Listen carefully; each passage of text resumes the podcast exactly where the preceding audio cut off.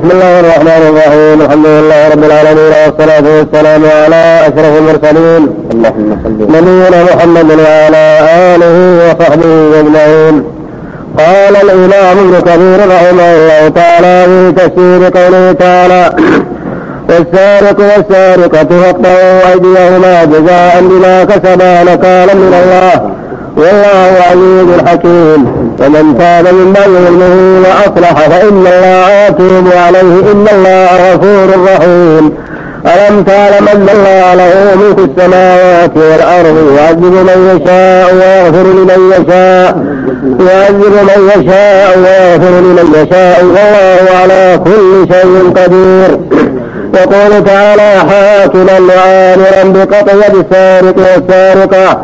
والثوري عن جابر بن يزيد الجوفي عن عامر بن شراحيل عن عامر بن شراحيل الشعبي أن ابن مسعود كان يقرأها والسارق والسارقة فاقطعوا أيمانهما وهذه قراءة شاذة وإن كان الحكم عند جميع العلماء موافقا لها وإن كان الحكم عند جميع العلماء موافقا لها لا بها بل هو مستفاد من دليل آخر وقد وقد كان القطع معمولا به بالجاه المسعود لأن جابر بن أبي الجعفي اتهم بالرفق ضعيف لا يحتج بالرواية ولو صحت فالمراد بذلك التفسير تفسير القطع. ليس المراد انها قرآن مراد المسعود لو صحت عنه تفسير وأن المراد قطع اليمين يقول جل وعلا والسارق والسارقه فاقطعوا ايديهما جزاء ما كسبا وجاء العلماء ان المراد قطع اليد اليمنى اول إذا سرق. واذا سرق الثاني تقطع يده اليسرى المقطوع هو اليمين اليد في اليدين. تقطع النص الكف الذراع النص الكف من الذراع فقط. والذي إذا اطلقت اليد ثم المراد بها هذه اليد التي فيها من أطراف الأصابع إلى نص الكف. اما في الوضوء قاعد بها إلى المراحل في الوضوء الشرعي إلى المراحل وأما في قطع السرقه والتيمم فالمراد به الكف فقط. من اصغر اطراف الاصابع إلى نص الكف هذا هو يقطع السرقة وهذا هو يمسح في التيمم. وهذا من رحمة الله وإحسانه لعباده. ان حمى أموالهم بهذا الحد العظيم. فإن السارق متى عرف أنه تقطع يده امتنع من السرقة وابتعد عنها. كان في ذلك حفظ لأموال المسلمين وصيانه كلها من أجل العابثين وهكذا الحدود جعلها الله رابعة للناس عن محارم الله وزاجرة لهم عن محارم الله. حد الزنا زاجر وحد السرقة زاجر وحد الخوف كذلك. الحدود جعلها الله روادع وزواجر عما حرم الله سبحانه وتعالى. أشد ذلك بعد القتل هو القطع فحرم الله لا يحرم الله قطع اليد بل أوجب قطع اليد في السرقة.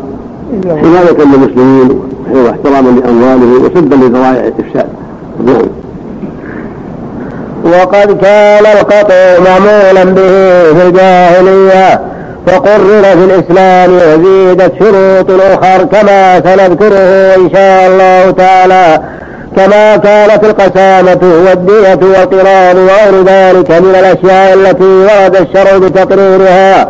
التي الشرع بتقريرها على ما كانت عليه وزيادات هي وزيادات هي من تمام المصالح. ويقال إن أول من قطع الأيدي في الجاهلية قريش. قطعوا رجلا يقال له دويك مولى لبني مليح بن عمرو بن خزاعة. كان قد سرق كيد الكعبة ويقال سرقه قوم فوضعوه عنده. وقد ذهب بعض الفقهاء من أهل الظاهر إلى أنه متى سرق السارق شيئا قطعت يده به سواء كان قليلا أو كثيرا لعموم هذه الآية. والسارق والسارقة فاقطعوا أيديهما فلم يعتبروا نصابا ولا حرزا بل أخذوا بمجرد السرقة. وقد روى ابن جرير وابن أبي حاتم من طريق عبد المؤمن عن من طريق عبد المؤمن عن نجدة الحنفي قال سألت ابن عباس عن قوله والسارق والسارقة فاقطعوا أيديهما أخاص أم عام وقال بل عام وهذا يحتمل أن يكون موافقة وهذا يحتمل أن يكون موافقة من ابن عباس لما ذهب إليه هؤلاء ويحتمل غير ذلك. والله أعلم. وتمسكوا بما ثبت في الصحيحين عن أبي هريرة. عن مراد بن عباس إن عام جميع الناس الناس. الرجال والنساء والأحرار والعبيد والعرب والعجم والأشراف والعامة. يعمهم الحكم. من تسرق وإن كان شريفا قطع وإن كان من بني هاشم وإن كان من أشراف الناس وكبارهم يقطع وهكذا من العامة وهكذا من العجم وهكذا من العرب وهكذا من الرجال وهكذا من النساء المراد رحمه الله. هذا العموم في الآية أنها تعم الناس الناس. ولما سرقت امرأة من قريش أهم قريش من قطع يدها. ولم يشفع إلى رسول الله حتى لا تقطع يدها. فقالوا يحب رسول الله أسامة بن زيد. فذهبوا إليه وطلبوا الشفاعة فأتى النبي صلى الله عليه وسلم وقال له بذلك. فغضب عليه الصلاة والسلام وخطب الناس. غضب على أسامة لا تشفعوا في حد من حدود الله. خطب الناس وقال إنما هلك من كان قبلكم أنهم كانوا إذا سرق من الشريف تركوه وإذا سرق من الضعيف قاموا عليه الحد. وإن الله لو أن فاطمة بنت محمد سرقت لقطع في يدها. فعلم عليه الصلاة والسلام أن المراد العلوم. وأنه لا يجوز أن يستثنى من ذلك شريف أو وضيع أو ذكر أو أنثى أو عرب أو عجم فعامة ولكن لا بد يكون الحرز يكون الكلام لا بد يكون مال محرز في ما في الامثال ولا بد من قيد اخر وهو النصاب. النصاب ربع دينار فأكثر. ربع دينار فصاعد كما جاء في الحديث الصحيح. ولا بد ان يكون في حرزه. أن المال يطرح على الأرض أو في الأسواق. لا يسمى سرقه ولا تقطع به اليد له احكام أخرى وتمسكوا بما ثبت في الصحيحين عن أبي هريرة أن رسول الله صلى الله عليه وسلم قال لعن الله السارق يسرق البيضة وتقطع يده ويسرق الحبل وتقطع يده وأما الجمهور فاعتبروا النصاب بالسرقة وإن كان قد وقع بينهم الخلاف في قدره. فذهب كل من الأئمة الأربعة إلى قول على حده فعند الإمام مالك بن أنس رحمه الله النصاب ثلاثة دراهم مضروبة خالصة فمتى سرقها أو ما يبلغ ثمنها فما فوقه وجب القطع واحتج في ذلك بما رواه عن نافع عن ابن عمر أن رسول الله صلى الله عليه وسلم قطع في رجل ثمنه ثلاثة دراهم. أخرجاه في الصحيحين. قال مالك رحمه الله وقطع عثمان رضي الله عنه في أترجة قيمة ثلاثة دراهم وهو أحب ما سمعت في ذلك. وهذا الأثر من عثمان رضي الله عنه. قد رواه مالك عن عبد الله بن أبي بكر عن أبيه عن عمرة بنت عبد الرحمن. أن سارقا سرق في زمن عثمان أترجة فأمر بها عثمان أن تقوم فقومت بثلاثة دراهم من من ضرب اثني عشر من ضرب اثني عشر درهما. وصار ربع دينار في ذاك الوقت يعني الجهل له صرف في ذاك الوقت 12 ربع دينار نعم من ضرب اثني عشر درهما. يصلح نعم من صرف اثني عشر درهما فقطع عثمان يداه قال أصحاب مالك ومثل هذا الصنيع يشتهر ولم ينكر فمن مثله يحكى الإجماع السكوتي وفيه دلالة على القطع في الثمار خلافا للحنفية وعلى على اعتبار ثلاثة دراهم خلافا لهم في أنه لا بد من عشرة دراهم. وللشافعية اعتبار ربع دينار والله أعلم. وذهب الشافعي رحمه الله إلى أن الاعتبار في قطع يد السارق بربع دينار أو ما يساويه من الأثمان أو ما يساويه من الأثمان أو العروض فصاعدا أو الحجة في ذلك. ما أخرج والحجة في ذلك ما أخرجه الشيخان البخاري ومسلم من طريق الزهري عن عمرة عن عائشة رضي الله عنها أن رسول الله صلى الله عليه وسلم قال تقطع يد السارق في ربع دينار فصاعدا ولمسلم من طريق أبي بكر بن محمد بن عمرو بن حزم عن عمرة عن عائشة رضي الله عنها أن رسول الله صلى الله عليه وسلم قال لا تقطع يد السارق إلا في ربع دينار فصاعدا. قال أصحابنا فهذا الحديث فاصل في المسألة ونص في اعتبار ربع الدينار لا ما سواه. قالوا وحد حديث ثمن المجن وأنه كان ثلاثة دراهم لا يناوي هذا لأنه إذاك كان الدينار مثل عشر درهما فهو ثمن ربع دينار فأمكن الجمع بهذا الطريق ويروى هذا المذهب ويروى هذا المذهب عن عمر بن الخطاب وعثمان بن عفان وعلي بن أبي طالب رضي الله عنهم وبه يقول عمر بن عبد العزيز والليث بن سعد والاوزاعي والشافعي وأصحابه وإسحاق بن راهويه في رواية عنه وأبو ثور وداود بن علي الظاهري رحمهم الله وذهب الإمام أحمد بن حنبل وإسحاق بن راهويه في رواية عنه إلى أن كل واحد من ربع الدينار والثلاثة دراهم مرد شرعي فمن سرق واحدا منهما أو ما يساوي قطع عملا بحديث ابن عمر عملا بحديث ابن عمر وبحديث عائشة رضي الله عنها ووقع في لفظ عند الإمام أحمد عن عائشة أن رسول الله صلى الله عليه وسلم قال اقطعوا في ربع دينار ولا تقطعوا فيما هو أدنى من ذلك. وكان ربع الدينار يومئذ ثلاثة دراهم والدينار اثني عشر والدينار اثني عشر درهما. وفي لفظ للنسائي لا تقطع يد السارق فيما دون ثمن المجن قيل لعائشة ما ثمن المجن؟ قالت ربع دينار فهذه كلها نصوص دالة على عدم اشتراط عشرة دراهم والله أعلم.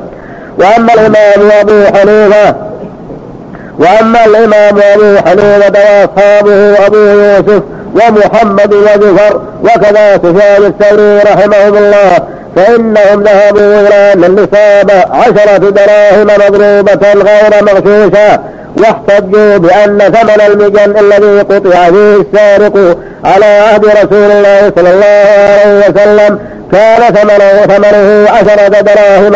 وقد روى أبو بكر بن أبي شيبة حدثنا ابن نمير وعبد الأعلى حدثنا محمد بن إسحاق عن أيوب بن موسى عن عطاء عن ابن عباس قال كان ثمن المجن على عهد النبي صلى الله عليه وسلم عشرة دراهم. ثم قال حدثنا عبد العلى عن محمد بن إسحاق عن عمرو بن شعيب عن أبيه عن جده قال قال رسول الله صلى الله عليه وسلم لا تقطع يد السارق في دون ثمن المجن وكان ثمن المجن عشرة دراهم. قالوا فهذا ابن عباس. قالوا فهذا ابن عباس وعبد الله بن عمرو قد خالف ابن عمر في ثمن المجن. فالاحتياط الأخذ بالأكثر لأن الحدود تدرأ بالشبهات. وذهب بعض السلف إلى أنه تقطع يد السارق في عشرة دراهم أو دينار أو ما يبلغ قيمته واحدا منهما. أو ما يبلغ قيمته واحدا منهما. وما تبلغ قيمته يبلغ نعم. وقيمته. نعم. واحدا منهما يحكى هذا عن علي وابن مسعود وإبراهيم النخعي وأبي جعفر الباقر وأبي جعفر الباقر رحمه الله رحمهم الله تعالى وقال بعض السلف لا تقطع الخير خمس إلا في خمس أو في خمسة دنانير أو خمسين درهم. وينقل هذا عن سعيد بن جبير رحمه الله وقد أجاب الجمهور عما تمسك به الظاهرية من حديث أبي هريرة يسرق البغضة فتقطع يده ويسرق الحبل فتقطع يده بأديبات. أحدها أنه منسوخ بحديث عائشة وفي هذا نظر لأنه لا بد من بيان التاريخ والثاني أنه مؤول ببوضة الحديد وحبل السفن. قاله الأعمش فيما حكاه البخاري وغيره عنه. والثالث أن هذه وسيلة إلى التدرج في السرقة من القليل إلى الكثير الذي تقطع به يده. ويحتمل أن يكون هذا خرج مخرج مخرج الأخبار. ويحتمل أن يكون هذا خرج مخرج الأخبار. عما كان الأمر عليه في الجاهلية حيث كانوا يقطعون في القليل والكثير فلعن السارق الذي يبذل يده يبذل يده الثمينة في الأشياء المهينة. وقد ذكروا أن أبا العلى المعري لما قدم بغداد اشتهر, اشتهر عنه. اشتهر عنه أنه أورد إشكالا على الفقهاء في جعلهم نصاب السرقة ربع دينار ونظم في ذلك شعرا. دل على ونظم في ذلك شعرا. دل على جهله وقلة عقله وقال يد بخمس مئين عسد وديت بخمس مئين عسد مئين على لغة من جر النون. نعم. على لغة من جر النون وجعلها اسما كالمفرد نعم. ما ب... بالإضافة إلى عسد يعني الذهب. ما بالها قطعت في ربع دينار تناقض ما لنا إلا السكوت له وأن نعوذ بمولانا من النار. ولما أبو الأعلى ملحد الأعلى معادي أبو الأعلى معادي ملحد هذا من إلحاده ولهذا قال يد بخمس مئين يد قطعت يعني خمس مئين ذهب. ما بالها قطعت في ربع دينار يعني ديتك لو قطعت نصف ألف على على ومن قال فيها ألف دينار. أحد أنواع الدية ثم تقطع في ربع دينار إذا سرقت. في هذا في قال تناقض ما لا السكوت له وأنه لا لا ليس في تناقض في شيء بل هي لما كانت أمينة كانت ثمينة. لما كانت أمينة كانت ثمينة. فلما حالت حالت. لما حالت وتعدت الحدود. صارت رخيصة صارت هينة ولما كانت أمينة سليمة صارت غالية ورفيعة. ديتها نصف الدية. والمقصود من هذا أن حديث لعن الله السارق تقطع يده البيضة والحبل الصواب القول الثالث وأن على سبيل التدرج. وأن الرسول صلى الله عليه وسلم لعن السارق الذي يسرق البيضة تقطع يده والحبل لأنه يتدرج من الصغير الكبير. ومن سرق البيضة تجرأ لما فوقها ومن سرق الحبل تجرأ لما حول ما فوقه. فهذا يجره إلى السرقة ينبغي العبد ان يحذر الشيء القليل حتى لا يتدرج وحتى لا يجره ذلك إلى سرقة ما تقطع في يده. كما صح الأقوال أن النصاب ربع دينار كما قاله الشافعي وجماعه من السلف بحديث عائشة الصريح. وهو يجن من قطع قطع فيه لأنه وافق ربع الدينار هذا هو اصح الأقوال المذكورة. أن النصاب الذي تقطع به اليد ربع دينار من الذهب وما قال ما قال نعم. ولكن الله يحييك. إذا نفذ حكم الشرع حد نعم. حد السرقة إذا نفذ وقطعت يد يوجب بالحديث إعادتها.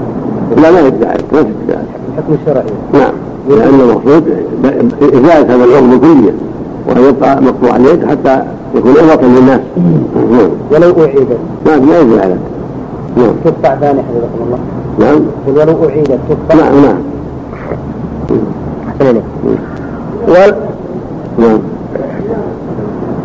نعم. ولما نعم. ولما قال ذلك واشتهر عنه طلبه الفقهاء فهرب منهم وقد أجابه الناس في ذلك فكان جواب القاضي عبد الوهاب المالكي رحمه الله أن قال لما كانت أمينة كانت ثمينة ولما خانت هانت ومنهم من قال هذا من تمام الحكمة والمصلحة وأسرار الشريعة العظيمة. فإنه في باب البنايات ناسب أن تعظم قيمة اليد بخمسمائة دينار لئلا يجنى عليها. وفي باب السرقة ناسب أن يكون القدر الذي تقطع به ربع دينار لئلا يسارع الناس في سرقة الأموال. فهذا هو عين الحكمة عند ذوي الألباب. ولهذا قال جزاء بما كسبا نكالا من الله والله عزيز حكيم. أي مجازات على صنيع السيء في أخذهما في أخذهما أموال الناس بأيديهم. فناسب أن يقطع ما استعان به في ذلك. نكالا من الله أي تنكيلا من الله بهما على ارتكاب ذلك.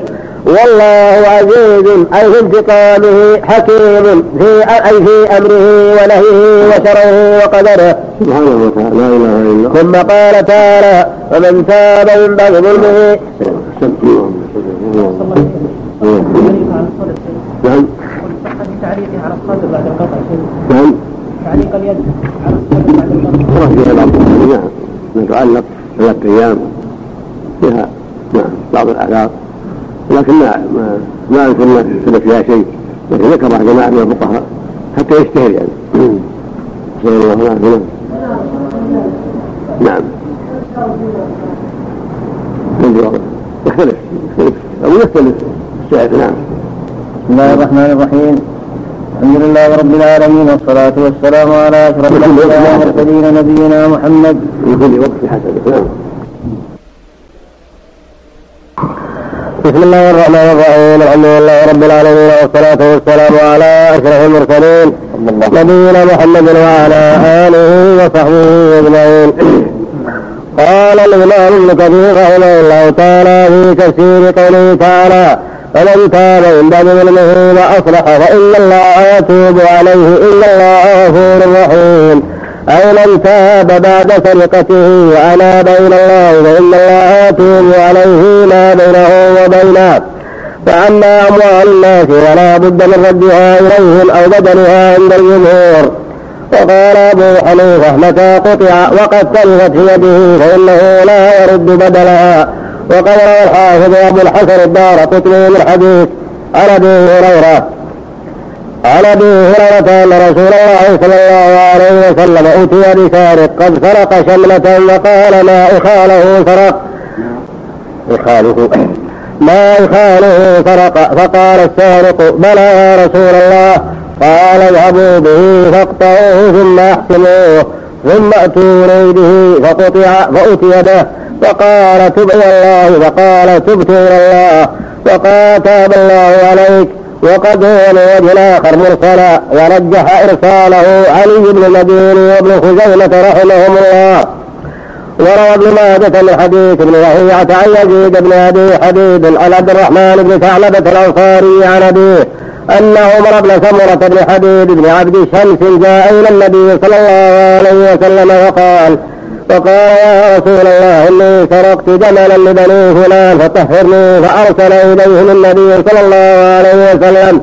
وقالوا إن افتقدنا جملا لنا فأمر به فقطعت يده وهو يقول وهو يقول الحمد لله الذي طهرني منك أردت أن تدخل أن تدخل جسد النار.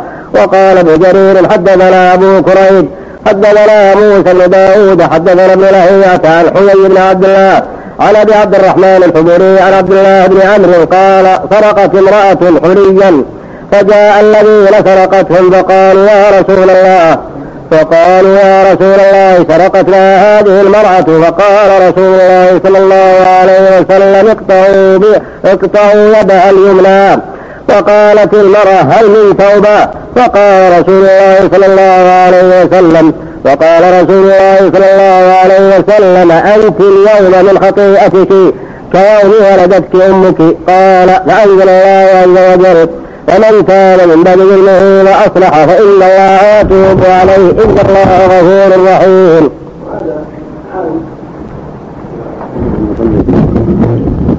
هذا عام في جميع الذنوب من السرقة وغيرها من تاب إلى الله وأصلح تاب الله عليه سبحانه وتعالى. ولهذا قال فمن تاب من واصلح فإن الله يتوب عليه. ويقول جل وعلا وإني لغفار لمن تاب وآمن وعمل صالحا ثم اهتدى.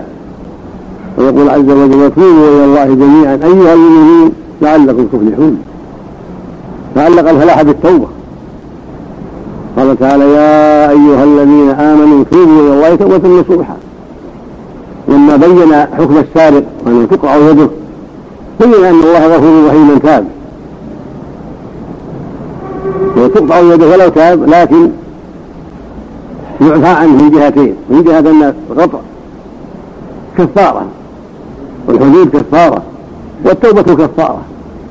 فإذا تاب مع قطع مع إقامة الحد اجتمع له كفارتان. كفارة بقطع اليد وكفارة بالتوبة. وهكذا بقية الحدود. يعني وشارب الخمر وغير ذلك. إذا أقيم عليه الحد صار الحد كفارة. وإذا ندم على المظالم وأقلع صارت صارت كفارة أخرى. منع الله له كفارتين.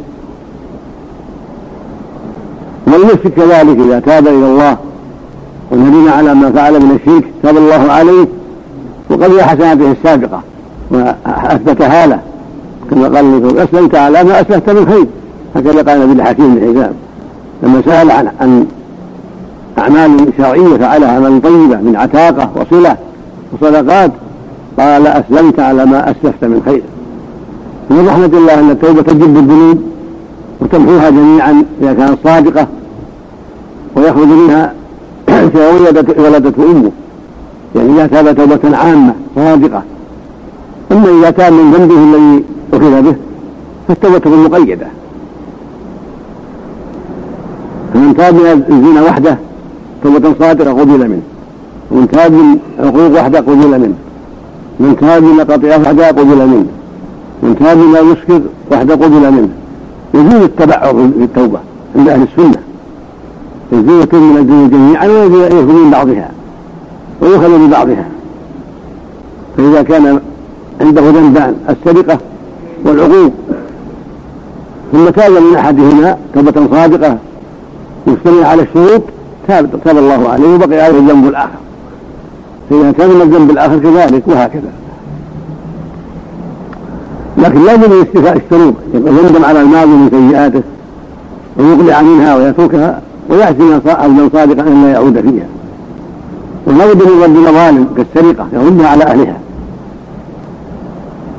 قال بعضهم إذا عجز سقطت عنه إذا تلفت وسقط وعجز سقطت عنه. الصواب الذي يعزمه أنها لا تسقط بل تبقى في ذمته كالدين. السرقه التي أخذها وأتلفها فإنها تبقى في ذمته حتى يؤديها إلا إلا أن يعفو ويصفحه هذا الذي يعني في لغه العلم. وأما حديث ان ليس على السارق اوامر هو حديث ضعيف. من تعلق به الاحناف وهو حديث ضعيف لا تقوم بالحجة. بل لا بد من رد المظلمه ان كانت موجودة وإن كان اتلفها أو تلفت عنده فعليه ردها بمثلها إن كانت مثليه أو قيمتها ان كانت متقومة. فجاء هذا من تمام التوبة نعم. وقد رواه الإمام أحمد بأبسط من هذا وقال حدثنا حسن حدثنا ابن لهيعة حدثني حيي بن عبد الله عن أبي عبد الرحمن الحزني عن عبد الله بن عمرو أن امرأة سرقت على عهد رسول الله صلى الله عليه وسلم. فجيء بها إلى الذين سرقتهم فقالوا يا رسول الله إن هذه المرأة سرقتنا. قال قومها فنحن نفديها. فقال رسول الله صلى الله عليه وسلم اقطعوا يدها. وقالوا نحن نفديها بخمسمائة بخمسمائة دينار. فقال اقطعوا يدها فقطعت يدها اليمنى فقالت المرأة هل لي من توبة يا رسول الله؟ قال نعم. قال نعم أنت اليوم من خطيئتك كيوم ولدتك أمك فأنزل الله في سورة المائدة. ومن تاب من بعد ظلمه وأصلح فإن الله يتوب عليه. إن الله غفور رحيم. وهذه المرأة هي المخزومية التي سرقت وحديثها ثابت في الصحيحين من رواية الزهري عن عروة عن عائشة أن قريشا أهمهم شأن المرأة التي سرقت في عهد النبي صلى الله عليه وسلم في غزوة الفتح. وقالوا من يكلم فيها رسول الله صلى الله عليه وسلم؟ وقالوا ومن يجتري عليه إلا أسامة بن زيد حب رسول الله صلى الله عليه وسلم. وأتي بها رسول الله صلى الله عليه وسلم فكلمه فيها أسامة. فكلمه فيها أسامة بن زيد فتلون وجه رسول الله صلى الله عليه وسلم وقال تشفع في حد من حدود الله عز وجل؟ فقال له أسامة استغفر لي يا رسول الله. فلما كان العشي قام رسول الله صلى الله عليه وسلم فاختطب فأثنى على الله بما وأهله.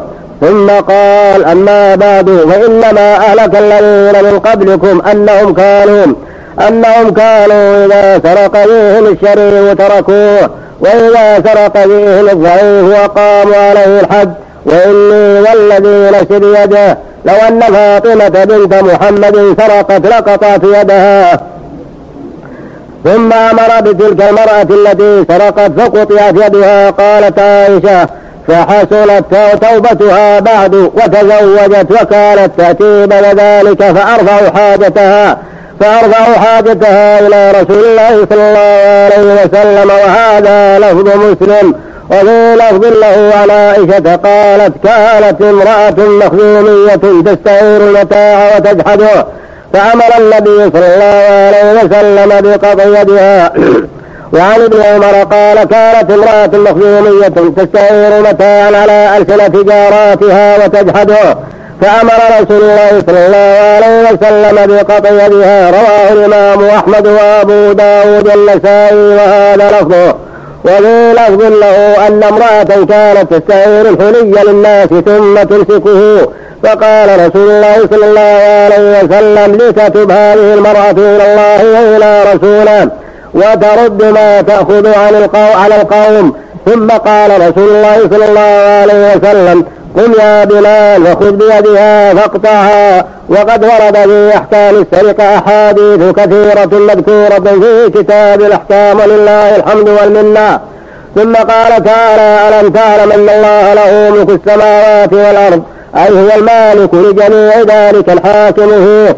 الذي لا معقب لحكمه وهو الفعال لما يريد يغفر لمن يشاء ويعذب من يشاء والله على كل شيء قدير. هذا يدل على ان الواجب على ولاة الأمور إقامة الحدود على الشريف والوضيع. أنه لا يجوز أن تقام على الضعفاء وأن تترك أن يترك الأشراف والرؤساء والأعيان ولا يقام عليهم الحد بل لابد من إقامة الحد على الجميع. ولهذا قال عليه الصلاة والسلام والذي نفسي مجلس لو أن فاطمة بنت محمد سرقت لقطعت يدها. قال إنما أهلك من كان قبلكم أنهم كانوا إذا سرق فيهم الشريف تركوه وإذا سرق فيهم الضعيف قاموا عليه الحد فالواجب حينئذ أن تنفذ الحدود في من وجبت عليه بشروطها ولو كان رفيعا في الناس وكبيرا في الناس وهكذا بقية الحدود. حد الخمر حد الحرابة حد الزنا وغير هذا. فالواجب الواجب هو أن تنفذ الحدود حتى يأمن الناس حتى يستقر الأمن للناس وحتى يقف كل واحد عند حده. فأما إذا جاء الحيف والتساهل مع بعض مع بعض الناس لم تستقيم الأمور ولم يستقيم الأمن ويستتب وكان لأصحاب الرياسة والشرف والجاه عند الناس كان لهم جرأة على المسلمين وعدم الوقوف عند الحدود التي حدها الله لعباده. نعم. نعم. نعم. هذا هو الصواب. إذا استعارت وجحدت لأن شرها يكون كبير ولا فيها خلاف بين العلم المستعيره والمستعيد ولكن الصواب انه إذا جحدت استعارت وجحدت حكمها حكم السارق. هذه تستعير على ألسنة الناس على ألسنة الجرات تقول لنا وروحني على فلان وروحني على فلان وروحني تأخذ من الناس. ثم تجحد كل ما أخذت منكم شيء ولا أديكم ولا ساعت منكم شيء. لا. تضر الناس كثيرا. ويفضون فساد كبير الرد والعارية مصيبة وإن عاروا بعيدت عاريتهم نعم. نعم. لا الحد لا بد منه. ولو كان. نعم. بعض القضايا لكن بعض القضايا يثبتونهم يصلحون المسألة هل إذا ما رفعت إذا ما رفعت للسلطان لا بأس. فإذا بينهم تعافوا وتسامحوا فيما بينهم لا حول ولا عليهم من المصلحين ما عليهم شيء لا. إنما هذا إذا رفعت للسلطان ثم قبل السلطان فلا بأس. نعم. الحفظ نعم.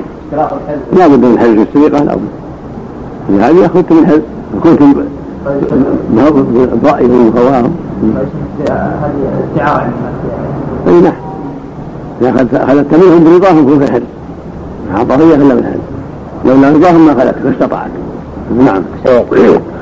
يا أيها الرسول لا يحزنك الذين يسارعون في الكفر من الذين قالوا آمنا بأفواههم ولم تؤمن قلوبهم ولم تؤمن قلوبهم ومن الذين هادوا سماعون للكذب سماعون لقوم آخرين لم يأتوك يحرفون الكلمة من بعد مواضعه يقولون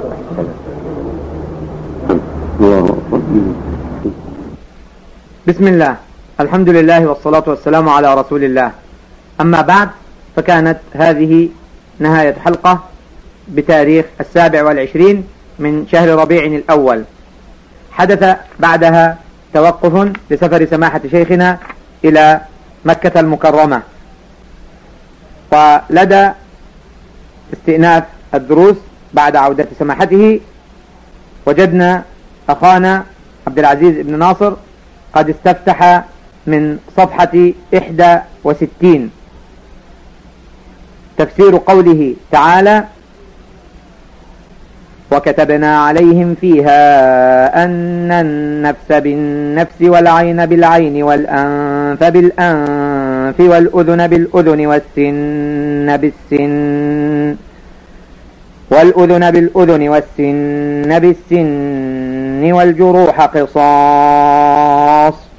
فمن تصدق به فهو كفارة له ومن لم يحكم بما أنزل الله فأولئك هم الظالمون.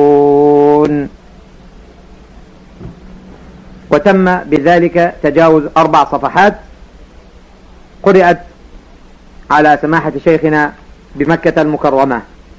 إذ كان الموقف في درس السابع والعشرين من شهر ربيع الأول على صفحة سبع وخمسين.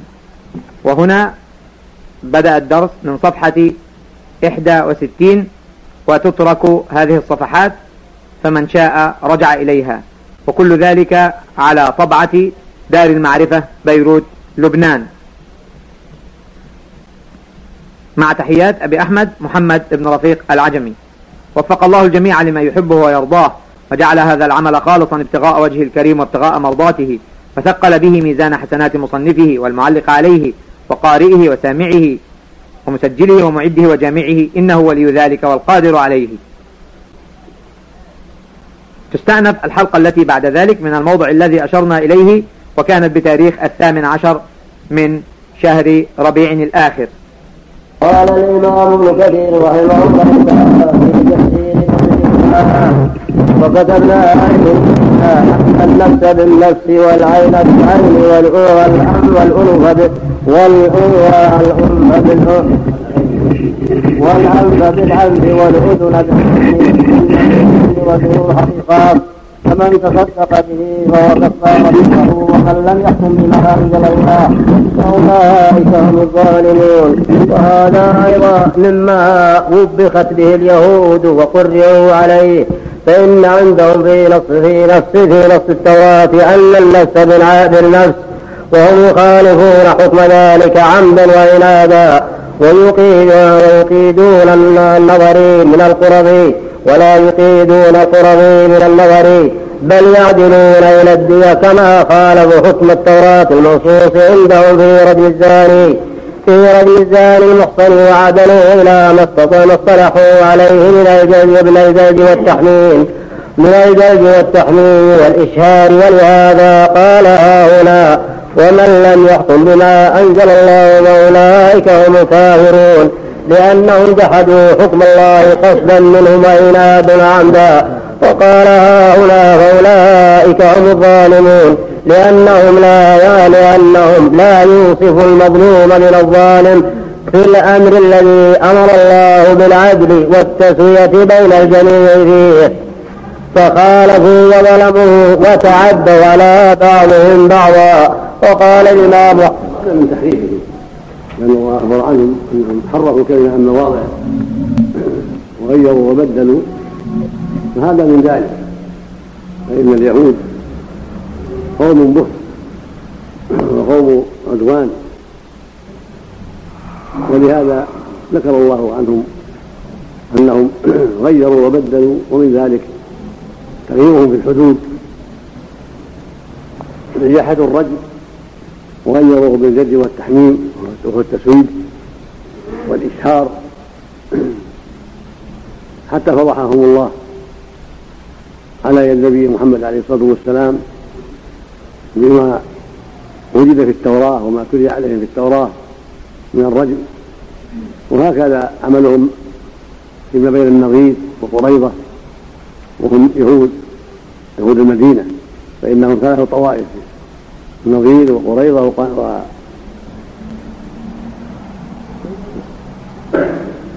وبنو قينقاع فكانت النظير ذات شرف فيهم وكانوا إذا قتل منهم أحد أقيدوا وإذا قتلوا من قريضة يقادوا. وهذا من ظلمهم وعدوانهم. فبين الله سبحانه وتعالى أن من جحد دينه فهو كافر ومن تعدى على حدوده فهو ظالم.